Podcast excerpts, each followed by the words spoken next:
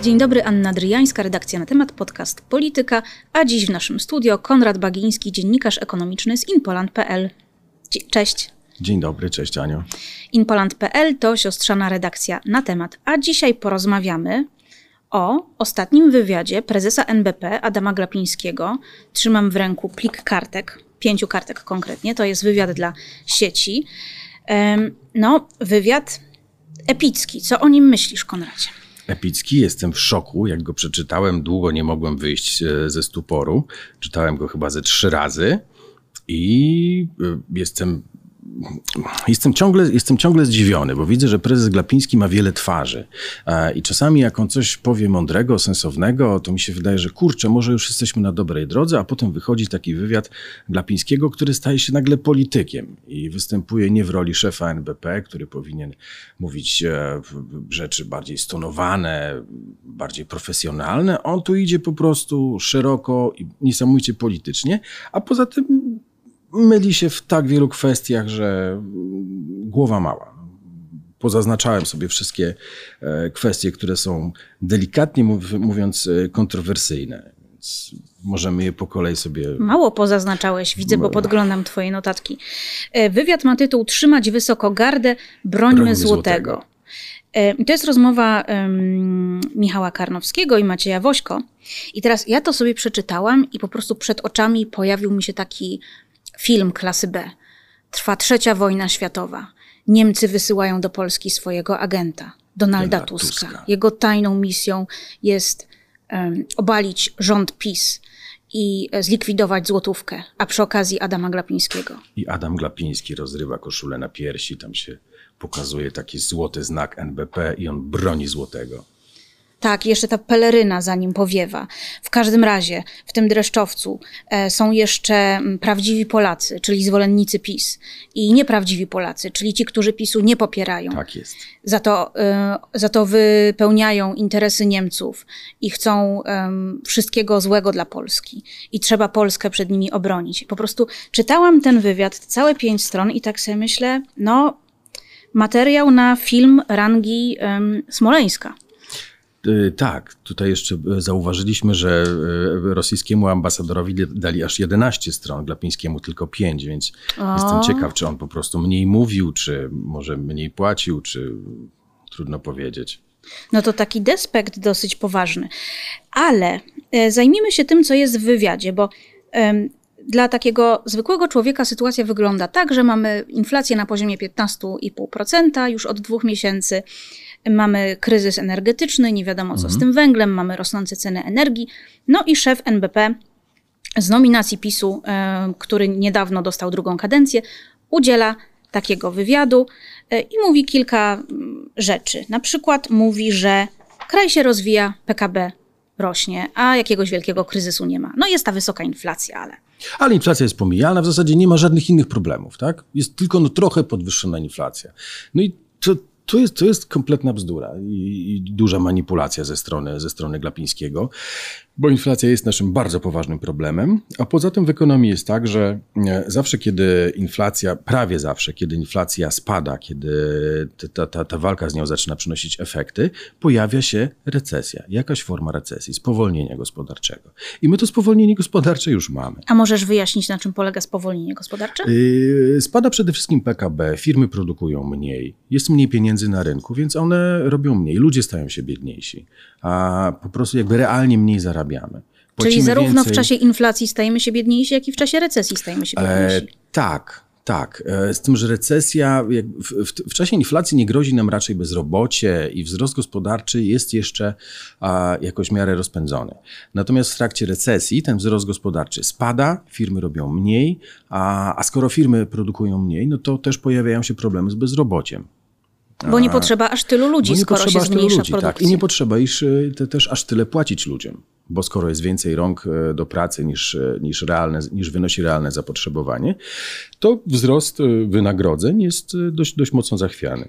I tu cię, tu cię muszę, Konrad, zastopować, bo na stronie trzeciej tego wiekopomnego wywiadu Znajdźmy.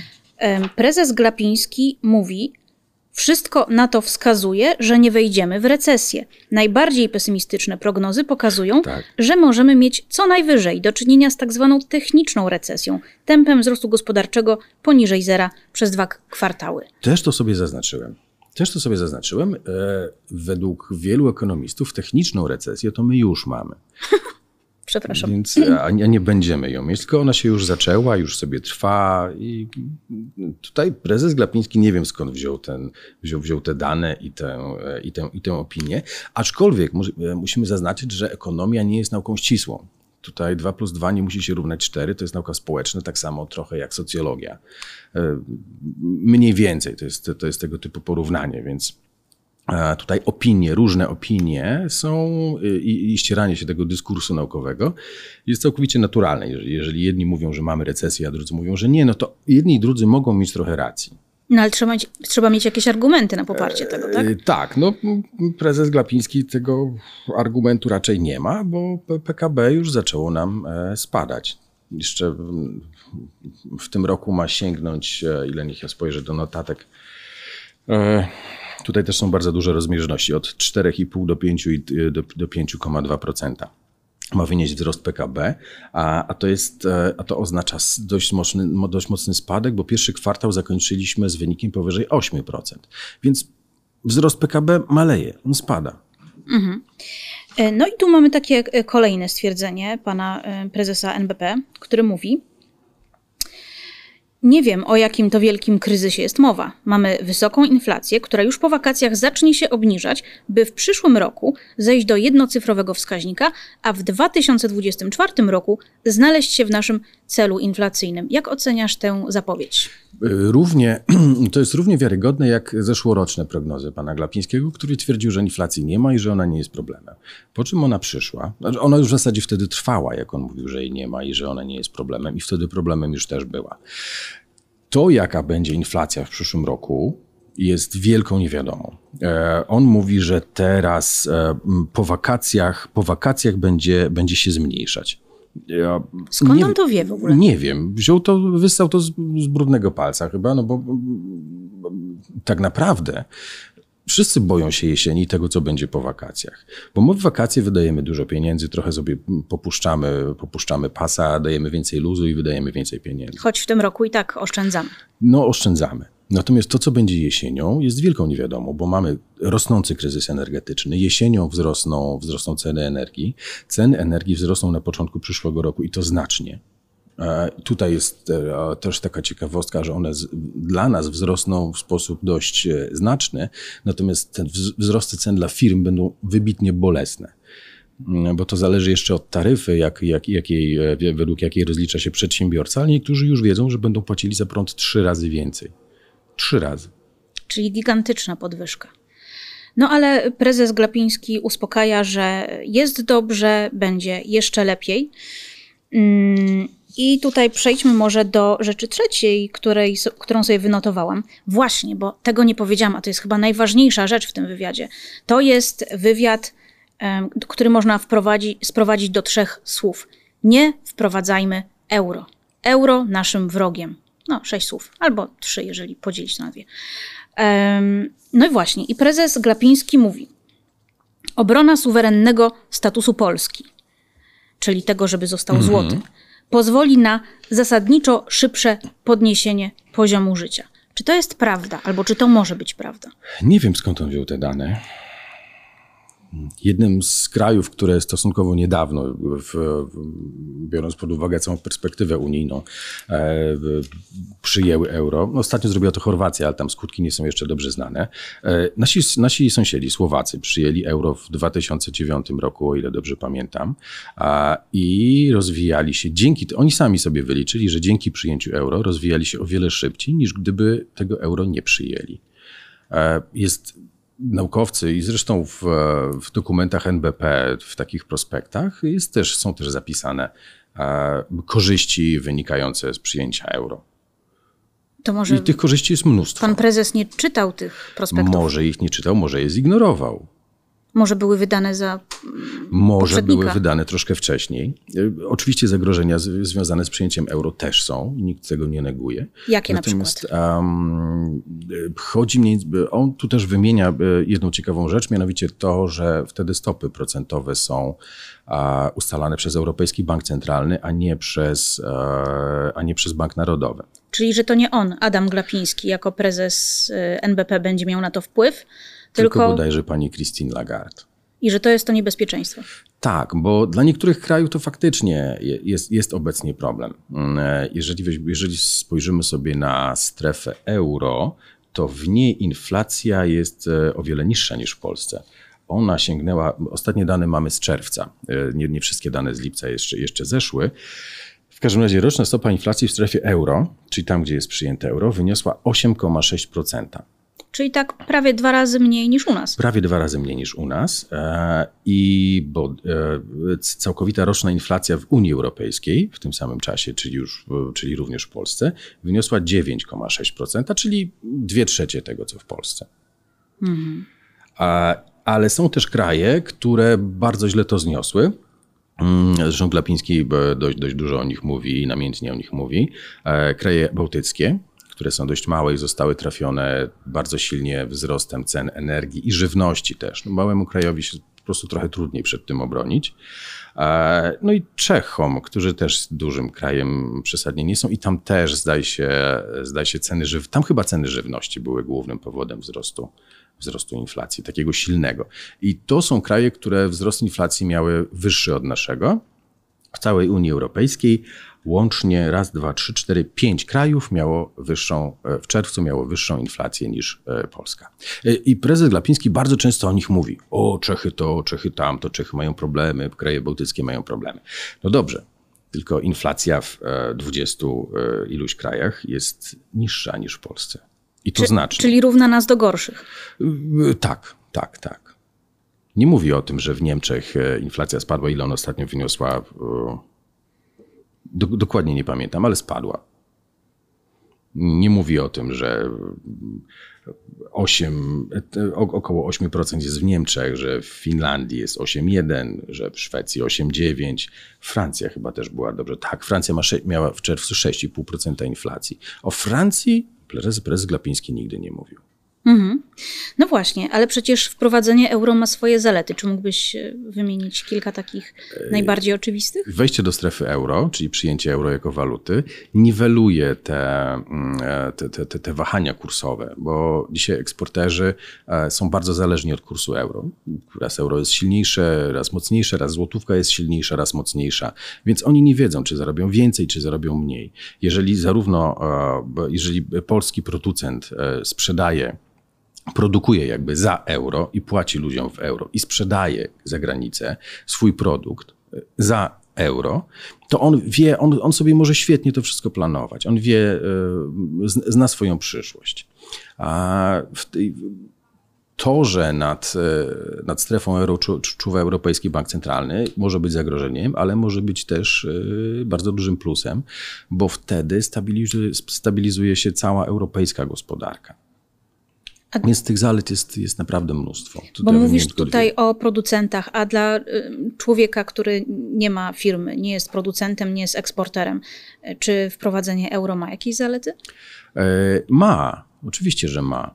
Bo jeżeli złotówka słabnie, wobec euro, to ona słabnie nie tylko dla, dla producenta, słabnie też dla nas. Bo my też, bo my jako, wtedy, my jako kraj e, kupujemy różne rzeczy, tak? I, i, i te wahania kursu euro wpływają też na, e, i, i złotówki wpływają na to, ile, ile my rzeczywiście płacimy w sklepach. W sklepie, na stacji benzynowej, w różnych miejscach.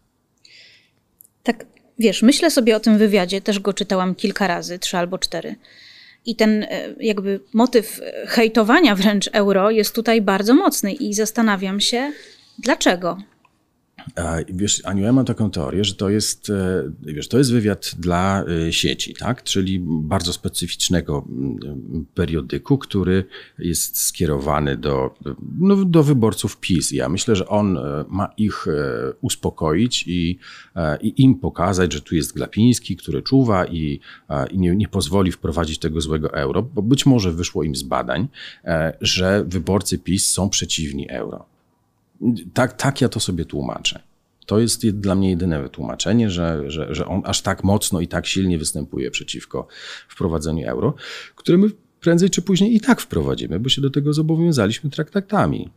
No i tutaj Glepiński też nie mówi, że nigdy nie wprowadzimy, tylko mówi coś takiego, że najpierw powinniśmy dogonić e, Niemców pod względem jakości, stylu życia itd. Tak i dopiero potem powinniśmy wprowadzić euro, bo inaczej, i tu dosłowny cytat, zostaniemy już na zawsze ubogim krewnym. Co ty na to? To jest, to jest bardzo paradne. Przykład Słowacji po, po, pokazuje, że kraj po przyjęciu euro rozwija się szybciej niż przed przyjęciem euro.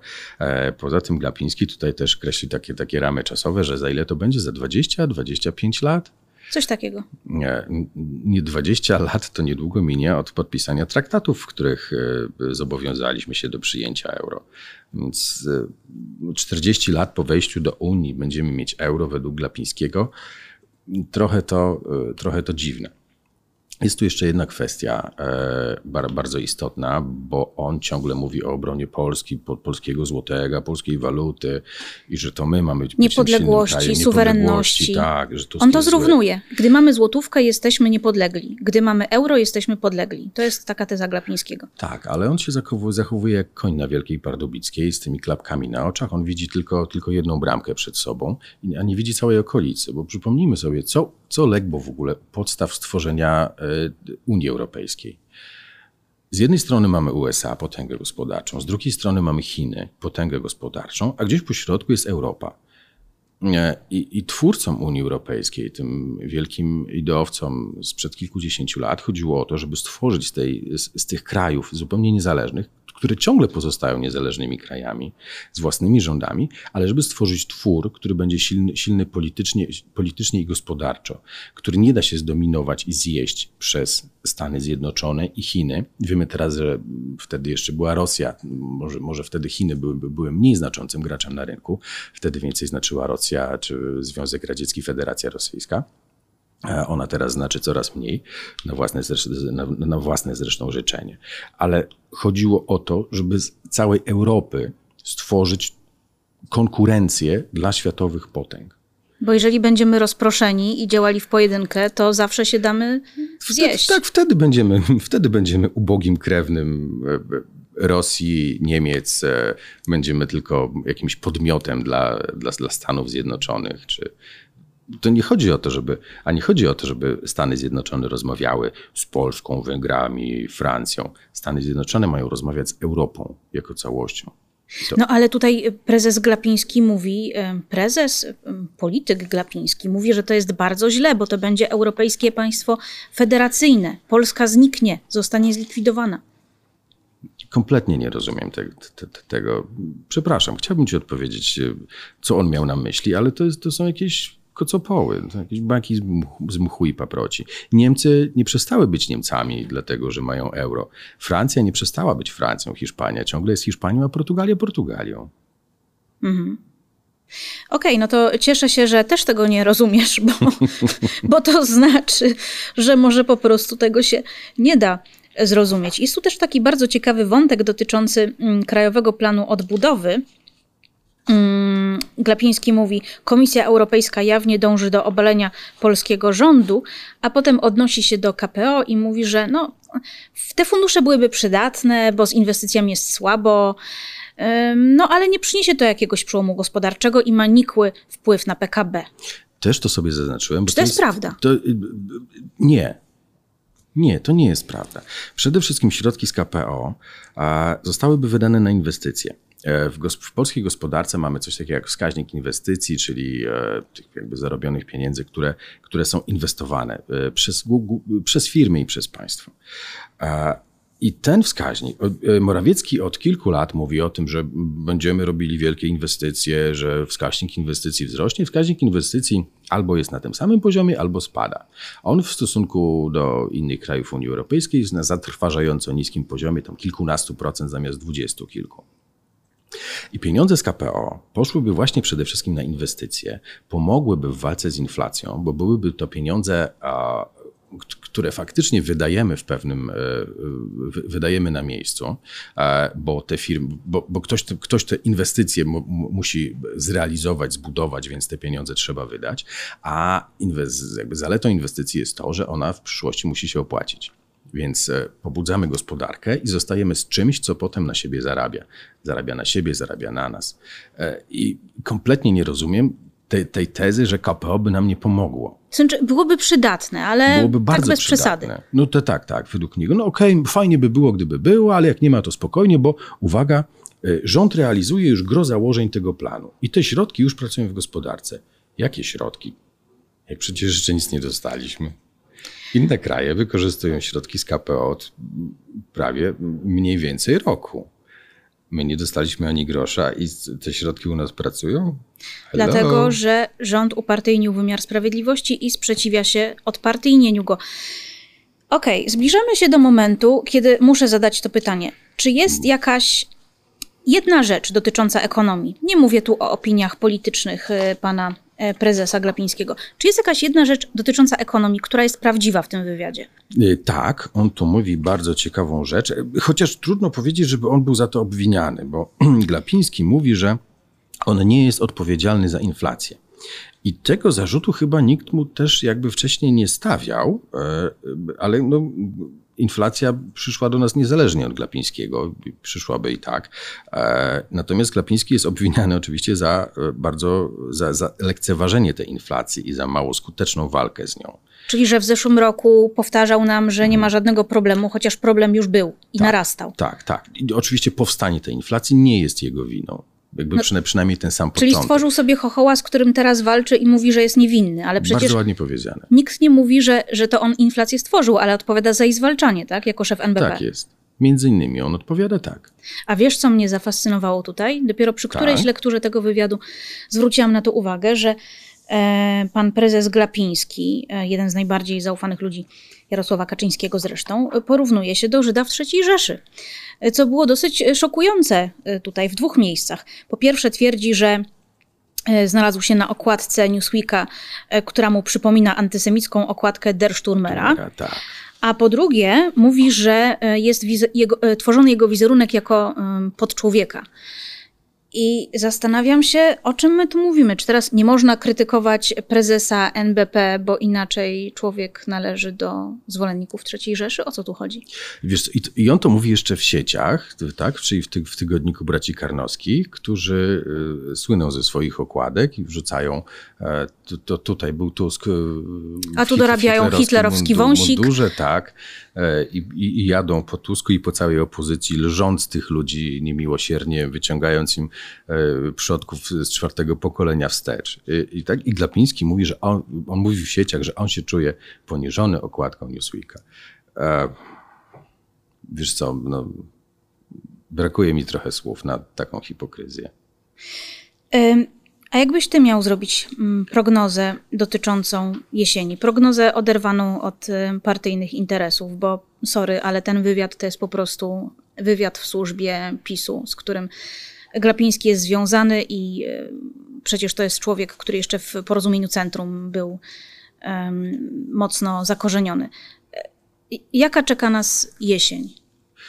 Ja myślę, że nikt, e, nikt mojego pokroju, nie będący wybitnym ekonomistą, nie podejmie się takiego zadania, a, a ekonomiści i tak się różnią w swoich opiniach. Bo, a jest jakiś wspólny wątek, czy najczęściej pojawiająca się prognoza? Myślę, myślę że niepewność. Niepewność. Myślę, że niepewność, bo, bo tak naprawdę nie wiemy, co się stanie jesienią i na początku przyszłego roku. To zależy od wielu czynników. Zależy od cen żywności, zależy od cen energii, jak bardzo one pójdą w górę, bo one mogą podbić inflację, mogą spowodować e, większą recesję. Możemy się też niestety spodziewać e, stagflacji, czyli e, równoczesnej, dość wysokiej inflacji i spowolnienia gospodarczego.